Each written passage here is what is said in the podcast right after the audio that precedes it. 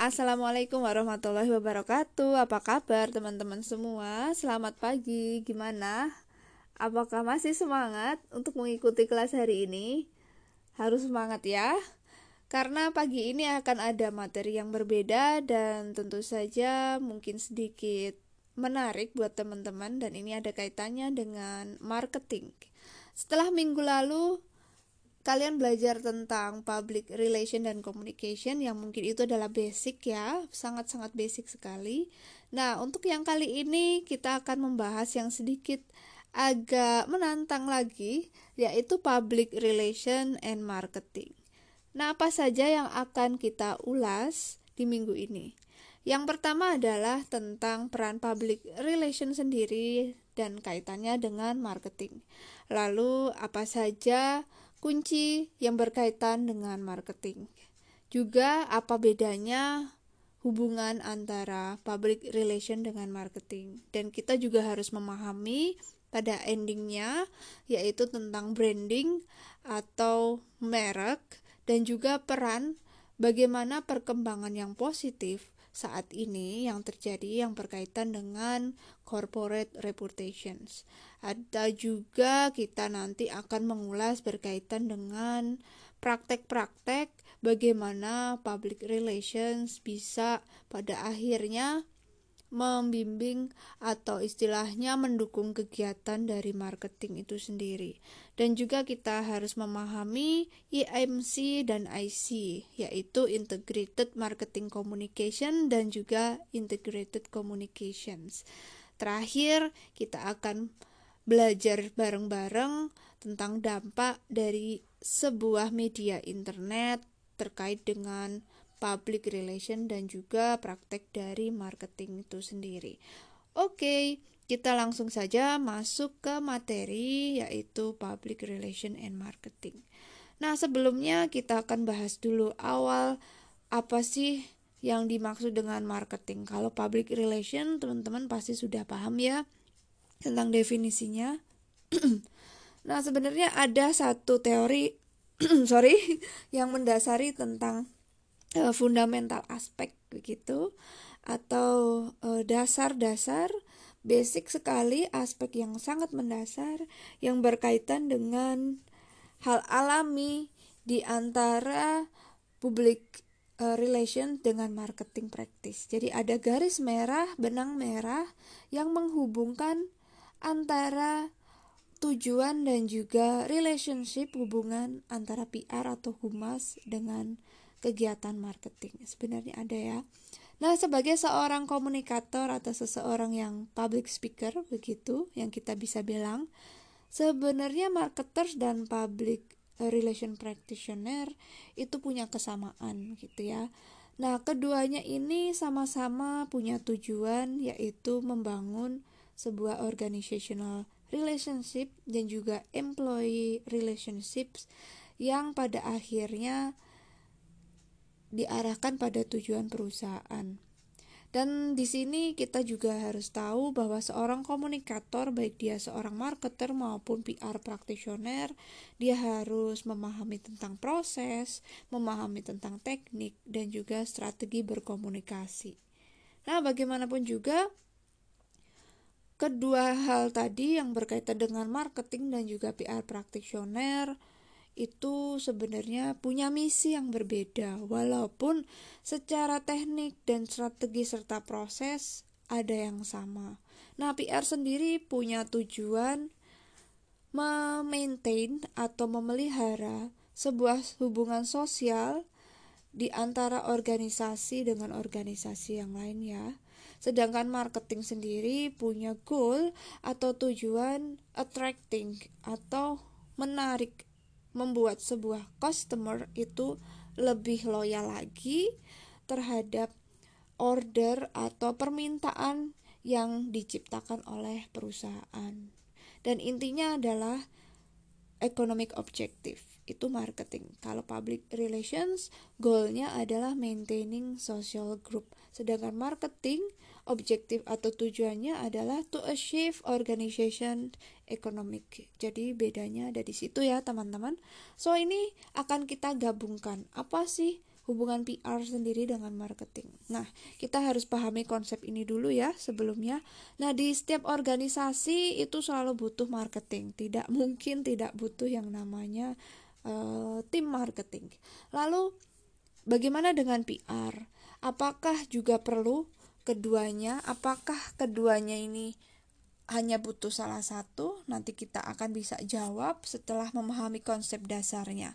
Nah, marketing dan PR itu punya esensi yang hampir mirip ya, yaitu esensinya adalah membuat organisasi atau perusahaan ini survive dan juga sukses atau eksis untuk terus berkembang dari waktu ke waktu.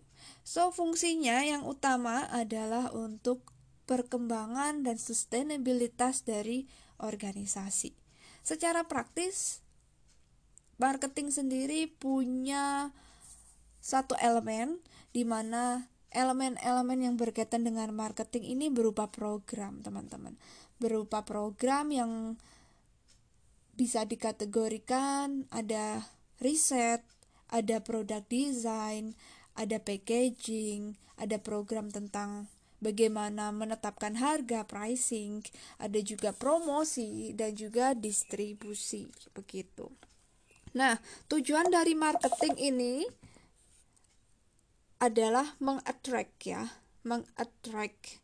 Intinya adalah menarik perhatian begitu. Marketing itu mengattract atau menarik perhatian dan juga memuaskan dari customer. Dengan basis yang jangka panjang bisa menciptakan sebuah permintaan yang terus-menerus meningkat di mana tujuan ekonomi dari perusahaan nanti akan tercapai. Yang tak lain adalah target profit Nah, fundamental responsibility-nya adalah membangun hal tersebut ya, yaitu membangun sebuah market atau sebuah pasar atau memelihara sebuah pasar yang memang itu sudah dimiliki si perusahaan itu tadi ya, di mana pasar ini harus kaitannya dengan produk dan service, berkaitan dengan jasa dan juga produk yang dihasilkan oleh perusahaan. So, secara umum atau secara tradisional, marketing itu punya empat hal yang mungkin teman-teman pernah dengar atau mungkin baru kali ini dengar ya,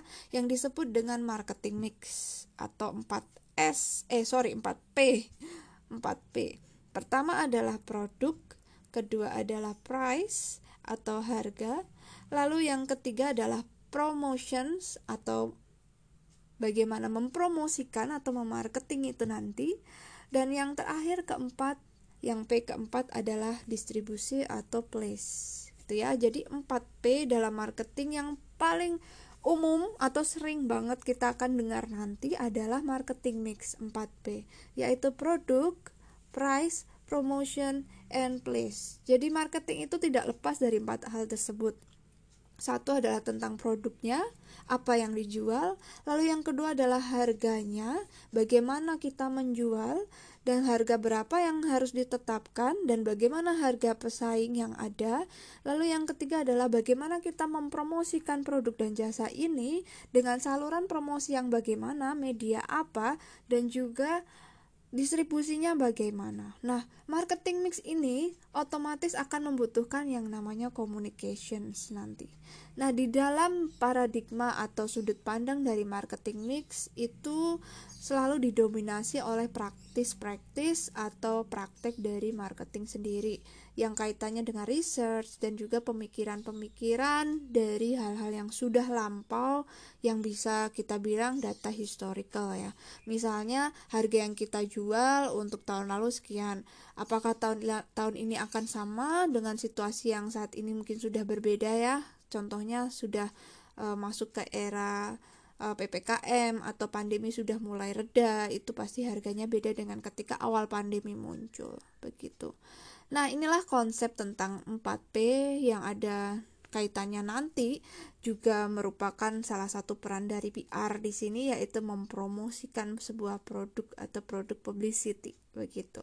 Nah, nanti ada hubungannya juga untuk marketing ini memfokuskan pada sebuah proses di mana proses ini adalah menarik sebuah customer atau beberapa market yang baru ya untuk menciptakan sebuah market yang baru melalui produk-produk development atau menambah sebuah market share itu membutuhkan sebuah pemikiran yang berbeda.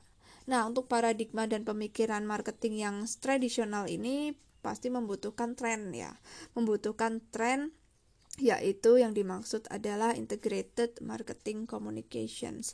Tentu saja ada sebuah komunikasi khusus di mana terintegrasi dengan kegiatan praktis-praktis marketing. Tujuannya tadi mengattract atau mendapatkan kembali attentions customer-customer yang baru. Bukan hanya customer lama ya biar loyal kembali, tapi gimana caranya kita menciptakan atau menambahkan sebuah market yang baru lagi. Nah, di sini akan ada hubungannya antara PR dan juga kegiatan terkait dengan menciptakan customer begitu dan juga kegiatan ekonomi yang nanti mendatangkan customer yang baru. Nah, itu dia yang dimaksud dengan hubungan antara PR dan marketing. Basic dari marketing sendiri selain menciptakan sebuah produk ya, menginformasikan kepada market akan sebuah produk atau creation of product untuk uh, particular atau certain market segment atau untuk market yang terkhususkan Nah, itu adalah tujuan dari marketing ya, menciptakan sebuah produk, memperkenalkan produk, menarik masyarakat atau pasar tertentu akan produk yang ditawarkan perusahaan. Itu adalah basic marketing function. Nah, di basic uh, marketing function ini tentu saja kita harus mengidentifikasikan kebutuhan dari konsumen begitu. Nah, di sini akan ada juga kaitannya atau kita butuh PR untuk membantu mengkreasikan two-way communications. Untuk mengkreasikan ada dua jalur komunikasi dengan konsumen begitu dan juga mengassist atau mendampingi kegiatan marketing agar bisa memahami apa saja sih kebutuhan khusus dari konsumen ini yang ingin kita bidik begitu.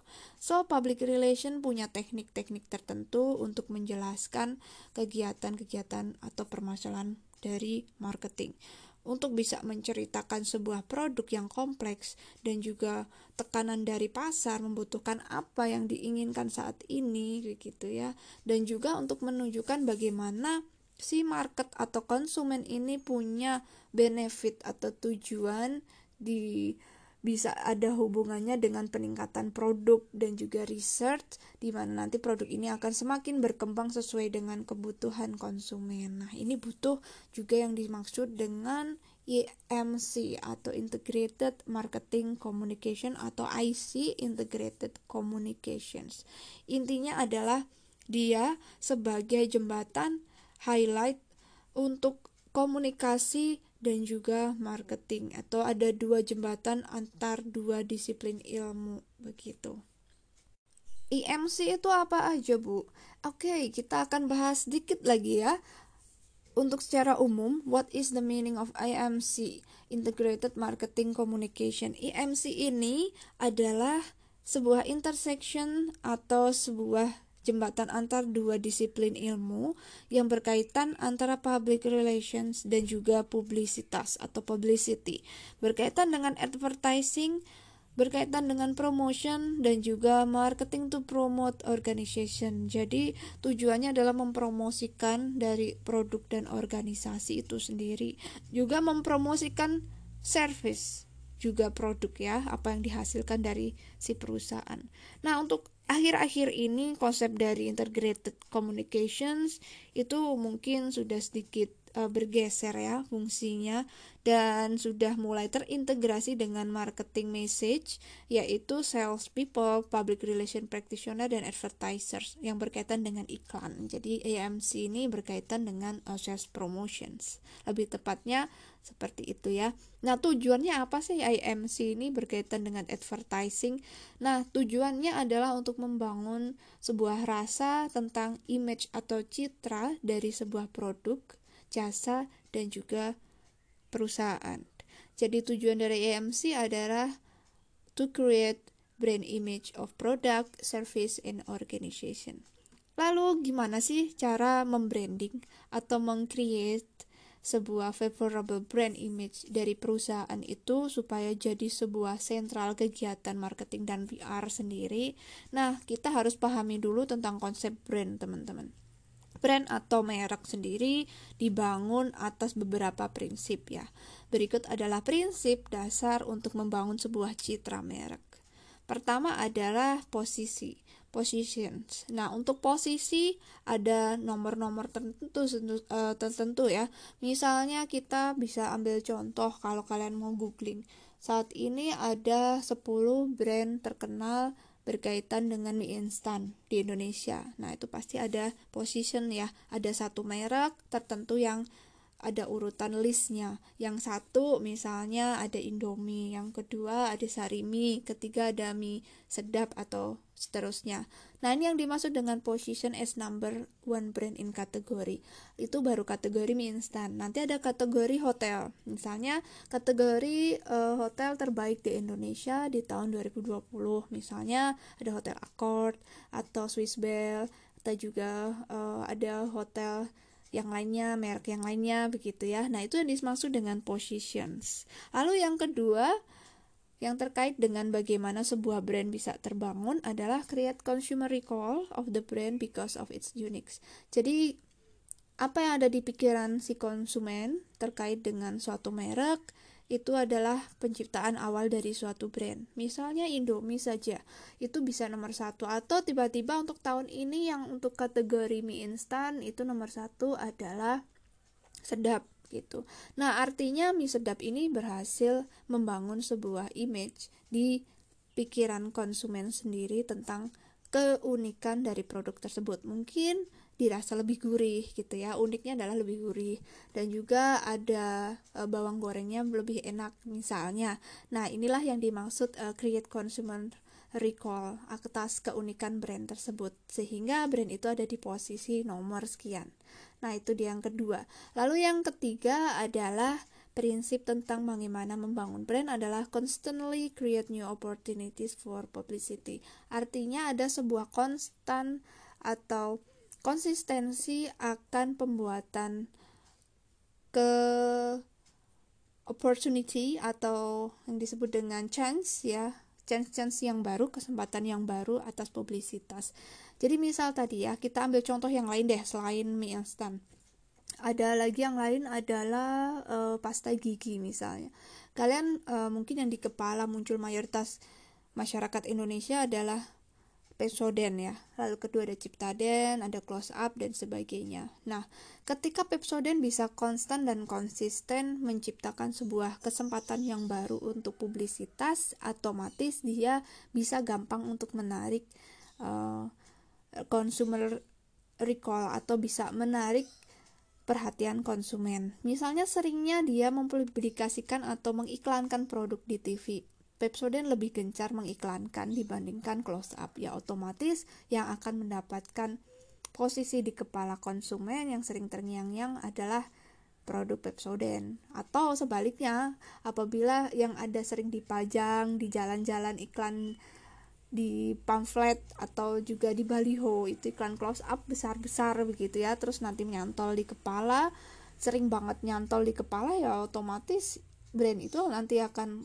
masuk menjadi jajaran nomor satu atau paling sering diingat dan ketika dipilih uh, ketika konsumen untuk membeli ke department store gitu ya beli untuk belanja ya otomatis yang terpikirkan di jalan ah close up coba ah karena aku sering lihat iklannya gitu. Mungkin ini bagus kali ya dicoba. Nah itu dia yang dimaksud dengan konsistensi create new opportunities. Kalau sebuah produk itu sering beriklan atau dia rajin ngiklan aja nah otomatis tuh gampang untuk menarik perhatian konsumen. Dan otomatis itu akan meningkatkan citra dari merek produk tersebut. Itu adalah konsep yang ketiga. Lalu yang keempat adalah link the brand memorable and happy times. Jadi gimana caranya sebuah brand itu membuat sebuah hubungan yang memorable atau mudah diingat di waktu-waktu yang membahagiakan. Ya ada kaitannya dengan iklan ya. Misalnya waktu itu uh, Milo apa yang ada di pikiran kalian tentang um, produk Milo pasti pikirannya adalah mobil yang masuk ke sekolah-sekolah menawarkan atau memberikan minuman uh, Milo dingin yang rasanya nyes banget ya. Dan tentu saja sedap karena rasa coklatnya tidak bisa dilupakan. Selain Milo ada Ovaltine juga melakukan hal yang sama. Nah itu dia yang disebut dengan kegiatan yang memorable dan juga happy times. Pasti yang ada di pikiran anak-anak uh, karena memang konsumennya adalah yang ditargetkan adalah anak-anak sekolah ya pasti kalau ditanya susu otomatis mereka menjawab merek Milo karena mereka mengingat sebuah momen ketika diberikan Milo gratis di sekolah dengan rasa yang enak dan tentu saja dingin di hawa-hawa panas jam 12 ketika istirahat ya ngantri. Nah, itu adalah penciptaan bagaimana memori dan happy times dari sebuah produk otomatis nanti akan mudah diingat produk tersebut. Lalu yang terakhir, bagaimana konsep tentang brand adalah mengcreate atau menciptakan sebuah personality melalui integrated communication atau iklan. Yang tadi ini merupakan kesimpulan dari uh, ketiga hal atau empat hal di atas ya. Bagaimana sebuah publikasi atau publisitas ini akan menciptakan sebuah personality yang kuat akan sebuah merek sebelum mendiskusikan peran dari PR dan juga marketing ada hal yang sangat esensial dan mendasar untuk dipahami dulu yaitu ada enam kuncian atau key features berkaitan dengan marketing. Keenam hal tersebut adalah research, merchandising, advertising, sales promotions, selling atau penjualan, dan terakhir adalah public relations sendiri. Jadi ada enam kriteria atau prime feature atau feature utama yang berkaitan dengan kegiatan marketing ya. Pertama adalah riset, kedua merchandise, ketiga advertising atau iklan, keempat sales promotions, berjualan ya, tapi berbeda dengan advertising. Kelima adalah selling, penjualan itu sendiri, kegiatan selling. Dan yang kelima oh, sorry 346 ya keenam adalah public relations Oke, kita akan bahas yang berkaitan dengan research atau riset yang pertama. Nah, ini adalah hal yang sangat-sangat penting yang berkaitan dengan PR dan marketing, yaitu research. Nah, research ini meliputi apa saja dan kenapa ada riset di kegiatan PR dan marketing ya. Perlu dong kita harus melihat sebuah data dan juga sebuah informasi terlebih dahulu sebelum pada akhirnya kita akan mengiklankan apa dan akan menggunakan media apa.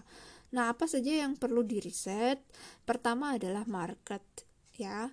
Market ini adalah sebesar apa sih pasar atau kumpulan dari konsumen ini yang akan kita bidik ya, akan kita informasikan terkait produk. Lalu proporsinya bagaimana? Apakah laki-laki atau perempuan, usia berapa, tinggal di mana, apa saja latar belakang mereka, kependidikannya, dan juga bagaimana pendapatan mereka. Nah, ini yang dimaksud dengan proportions of market. Lalu apa saja project size, sebesar apa future selected point yang akan kita tuju atau ingin market dengan tujuan seperti apa nanti yang dihasilkan begitu.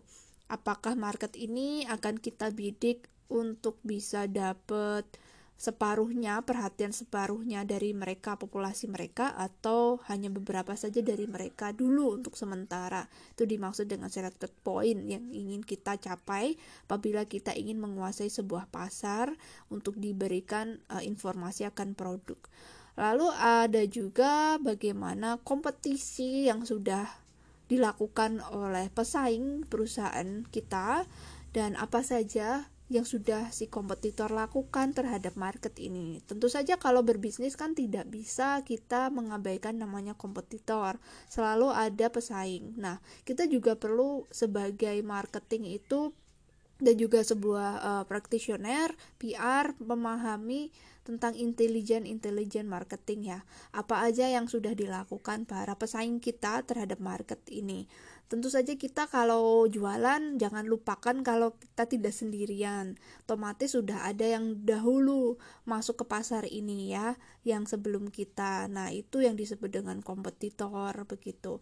Jadikanlah uh, diri kita sebagai seorang pebisnis yang uh, bijak atau wise untuk melihat situasi. Kita tidak sendirian. Selalu camkan itu di dalam pikiran kita.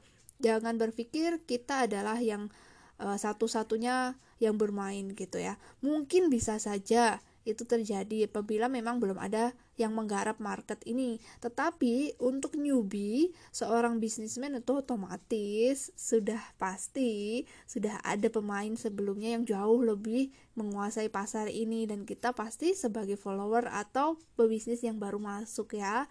Nah, otomatis kita juga harus tahu gerakan mereka lebih dulu begitu. Oke, lalu riset Berikutnya yang harus dilakukan ada riset terkait dengan konsumen atau the consumer.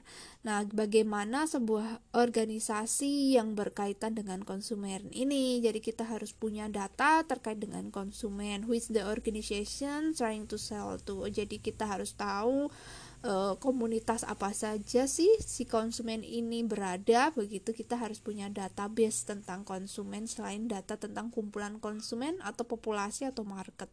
Lalu ada yang disebut dengan riset juga. Yang ketiga adalah produk.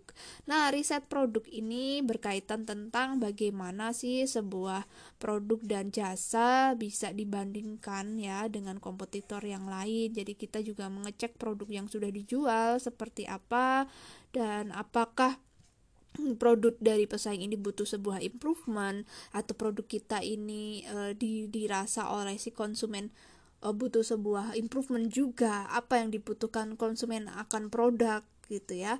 Nah, di sini kita bisa lihat how dan where-nya tentang improvement. Jadi, riset di sini adalah yang berkaitan dengan produk itu tentang bagaimana produk ini diinginkan oleh si konsumen atau market. Apakah ada feature atau spesifikasi yang berbeda atau spesifikasi yang tidak dimiliki para pesaing sebelumnya. Itu yang dimaksud dengan riset berkaitan dengan produk. Lalu ada riset berkaitan dengan attitude yang keempat ya. Attitude ini adalah bagaimana sebuah target market ini akan mendapatkan produk ya. Bagaimana cara mereka mendapatkan produk ini yang dimaksud dengan attitude ya. Bisa ada kaitannya dengan place atau distribution ya. Apakah mereka mendapatkannya dengan cara iklan di IG atau Instagram atau juga dari maklar misalnya atau dapat dari uh, website penjualan via website yang mungkin sekarang banyak terjadi atau juga penjualan door to door begitu atau penawaran dari uh, orang ke orang lainnya. Nah, itu perlu kita lakukan sebuah research bagaimana si konsumen ini bisa mendapatkan produk tersebut, apakah melalui online ataukah melalui offline. Nah, itu yang dimaksud dengan research. Lalu yang kedua adalah merchandising. Kuncian atau key feature dari marketing kedua adalah merchandising. Merchandising ini merupakan presentasi dari sebuah produk tentang apa sih keunggulan dari produk tersebut. Jadi ini adalah gambaran tentang keunggulan sebuah produk yang kita tawarkan. Nah, dengan menggunakan kombinasi dari lampu, pencahayaan, sound effect, harga yang tepat, dan juga packaging yang menarik, desain hingga warna, dan pemilihan nama brand dari produk. Nah, produk ini akan punya suatu kesan khusus di mata masyarakat atau target market kita, atau bahkan ada kesan khusus di antara pesaing kita yang disebut dengan merchandising jadi dia lebih ke bagaimana sebuah produk direpresentasikan dengan berbagai macam bentuk yang istimewa dan ini bisa dilihat bahwa punya sebuah kekhususan dan advantage yang berbeda atau keuntungan yang berbeda dibanding yang lain yaitu adalah sebuah merchandising membuat atau mengcreate sebuah produk terlihat berbeda dari whole package dari kegiatan-kegiatan marketing itu disebut dengan merchandising gitu ya lalu yang ketiga adalah advertising. Nah, di sini advertising ini selalu melihatnya adalah sales perspektif ya, bagaimana menjual dari sudut pandang menjual dan bagaimana tentang good advertisement, bagaimana uh, sebuah iklan yang baik. Apakah menggunakan radio, televisi, atau sosial media atau media yang di print seperti koran, majalah gitu.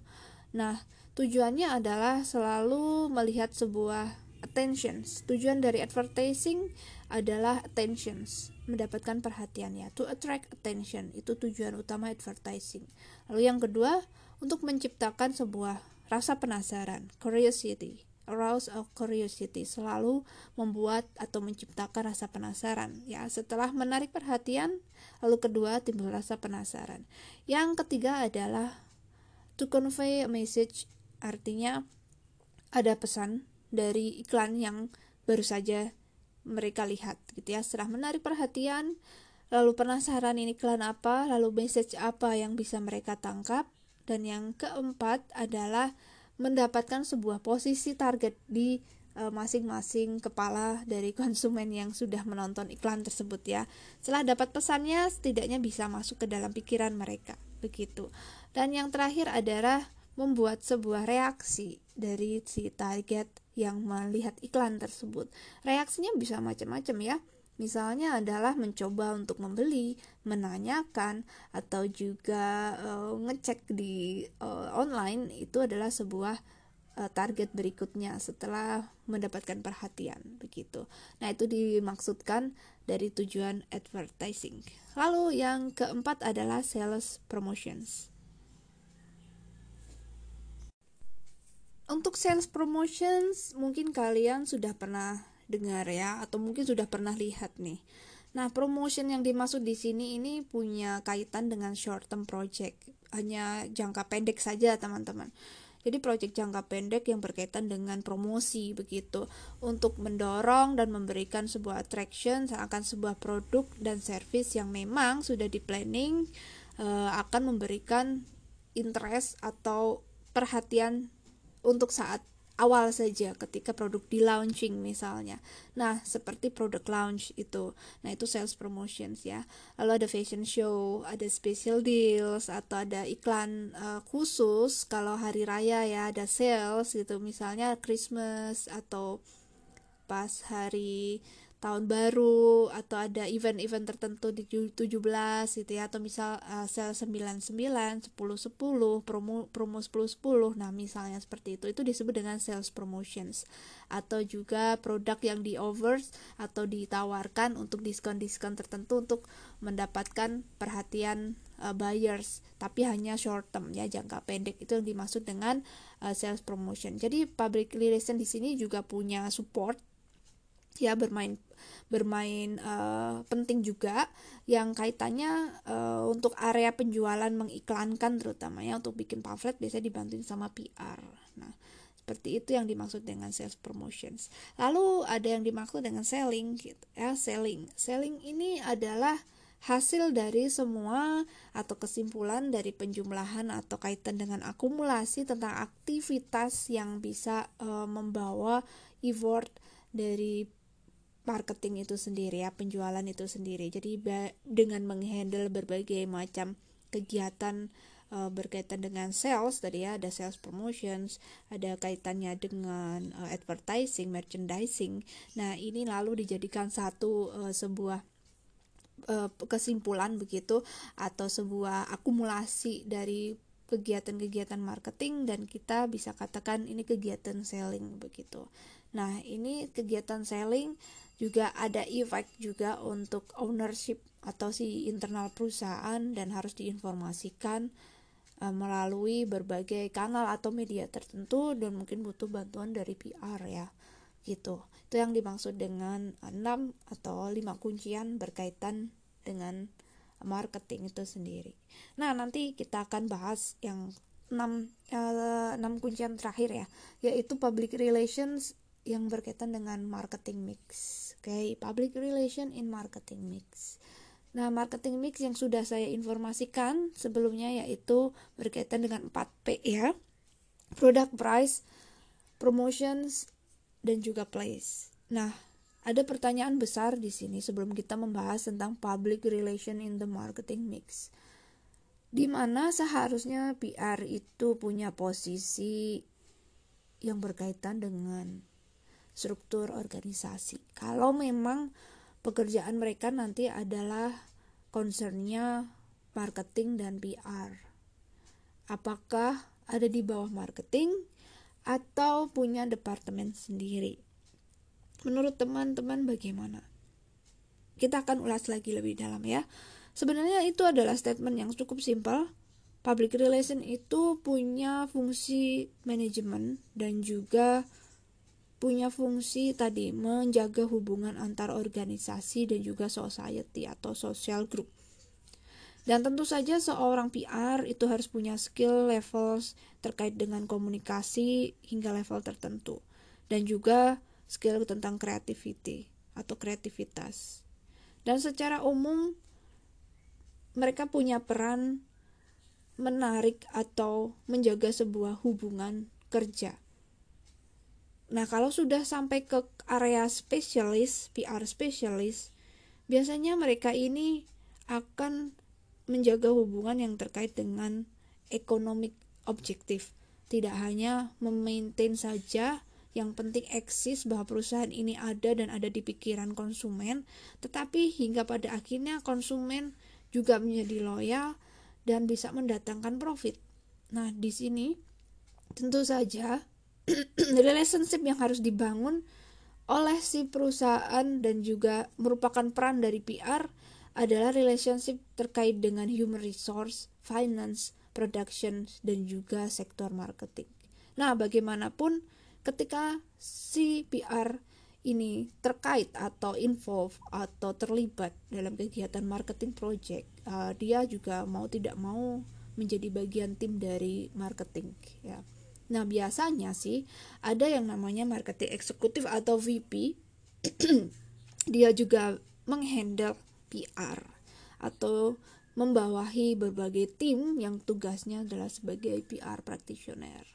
Nah, untuk beberapa marketing expert dengan karyawan-karyawan dan aktivitas yang ada kaitannya dengan advertising, publisitas, sales dan PR di sini tentu saja butuh sebuah opini dan sebuah leadership yang tepat ya karena mereka e, harus bekerja dengan satu garis merah yang sama yaitu equal partner atau satu misi yang berkaitan dengan menjaga sebuah hubungan yang baik antar uh, perusahaan dan juga antar kolega. So, tentu saja kalau melihat dari kebutuhan saat ini perusahaan yang era-era digital ya. Tentu saja sekarang sudah masuk ke era digital yang diikuti dengan pandemi seperti ini. Nah public relation ada kaitannya dengan posisi di bawah marketing. Biasanya di bawah marketing eksekutif gitu.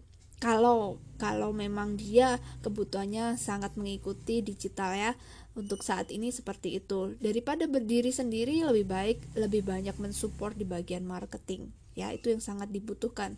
Uh, lebih hemat juga untuk kaitannya dengan operasional finansial di perusahaan. Begitu. Karena tujuan dari menginformasikan uh, sebuah data itu ada kaitannya dengan si seller, buyer, dan juga menginfluence atau mempengaruhi sebuah attitude bagaimana mereka nanti action untuk membeli, action untuk merespon sebuah uh, informasi atas yang sudah dikomunikasikan terkait produk dan bagaimana sikap-sikap mereka atas iklan yang sudah mereka lihat. Nah, sehingga rata rata-rata kebanyakan PR sendiri banyak diperbantukan atau punya role penting ya important role di bagian marketing begitu. Nah, nanti kita akan cek kembali seperti apa role tepatnya untuk seorang public relation practitioner ini yang juga dia mensupport kegiatan marketing ya. Fungsi dari public relations dan juga marketing itu sama-sama menganalisa dan merencanakan dari sebuah sudut pandang tentang bagaimana stakeholder atau konsumen dan juga para pemegang saham itu bisa menjadi loyal pada akhirnya akan sebuah produk ya akan sebuah uh, brand yang diciptakan dari perusahaan itu. Jadi mereka punya peran penting atau CPR practitioner ini punya peran penting untuk mengidentifikasikan sudut-sudut pandang bagaimana si konsumen itu pada akhirnya bisa loyal akan produk yang mereka beli gitu. Nah, dengan melalui apa mereka biasanya melakukan berbagai macam campaign atau kampanye yang nanti bisa membentuk sebuah loyalitas dari konsumen atau market pasar. Nah, market ini perlu ada sebuah attitude atau sebuah sikap sehingga sangat penting juga meramu yang namanya publisitas. Jadi PR punya peran dalam marketing ini adalah men-create sebuah behavior, sebuah attitude, sebuah actions akan sebuah pesan iklan yang sudah mereka lihat begitu. Jadi menciptakan sebuah attitude ya. Apakah nanti loyal, apakah nanti uh, action untuk membeli, apakah membuat sebuah respon atau testimoni akan produk. Nah, ini adalah tugas dari seorang PR practitioner. Karena bisa dipastikan yang namanya konsumerisme itu sungguh-sungguh sebuah kekuatan yang bertumbuh di mana pun saat ini ya, yang punya peran-peran penting dari semua kegiatan strategi marketing yang semua perusahaan lakukan. Nah, sehingga butuh sebuah riset untuk bisa mengetahui apa attitude dan juga behavior kebiasaan dari konsumen yang ingin dibangun pada akhirnya. Nah, sehingga butuh juga cara mengkomunikasikan agar mereka itu tergerak untuk membeli ya tapi juga perlu awalnya e, seorang PR ini mengetahui juga apa saja sih yang konsumen butuhkan sehingga nanti tepat cara mengkomunikasikannya dan memilih media yang tepat untuk mengkomunikasikan dari produk yang mereka butuhkan. Berkaitan dengan sebuah market attitude, ada sebuah contoh teman-teman. Misalnya, kasus pada iklan tembakau atau iklan rokok ya. Nah, ada beberapa negara, mungkin di Indonesia juga berlaku yang berkaitan dengan iklan rokok itu punya aturan tertentu ya legislative restrictions kalau bahasa umumnya ya. Ada aturan tertentu terkait dengan uh, pengusaha rokok atau produk rokok. Ketika mengiklankan itu tidak boleh ada adegan orang merokok.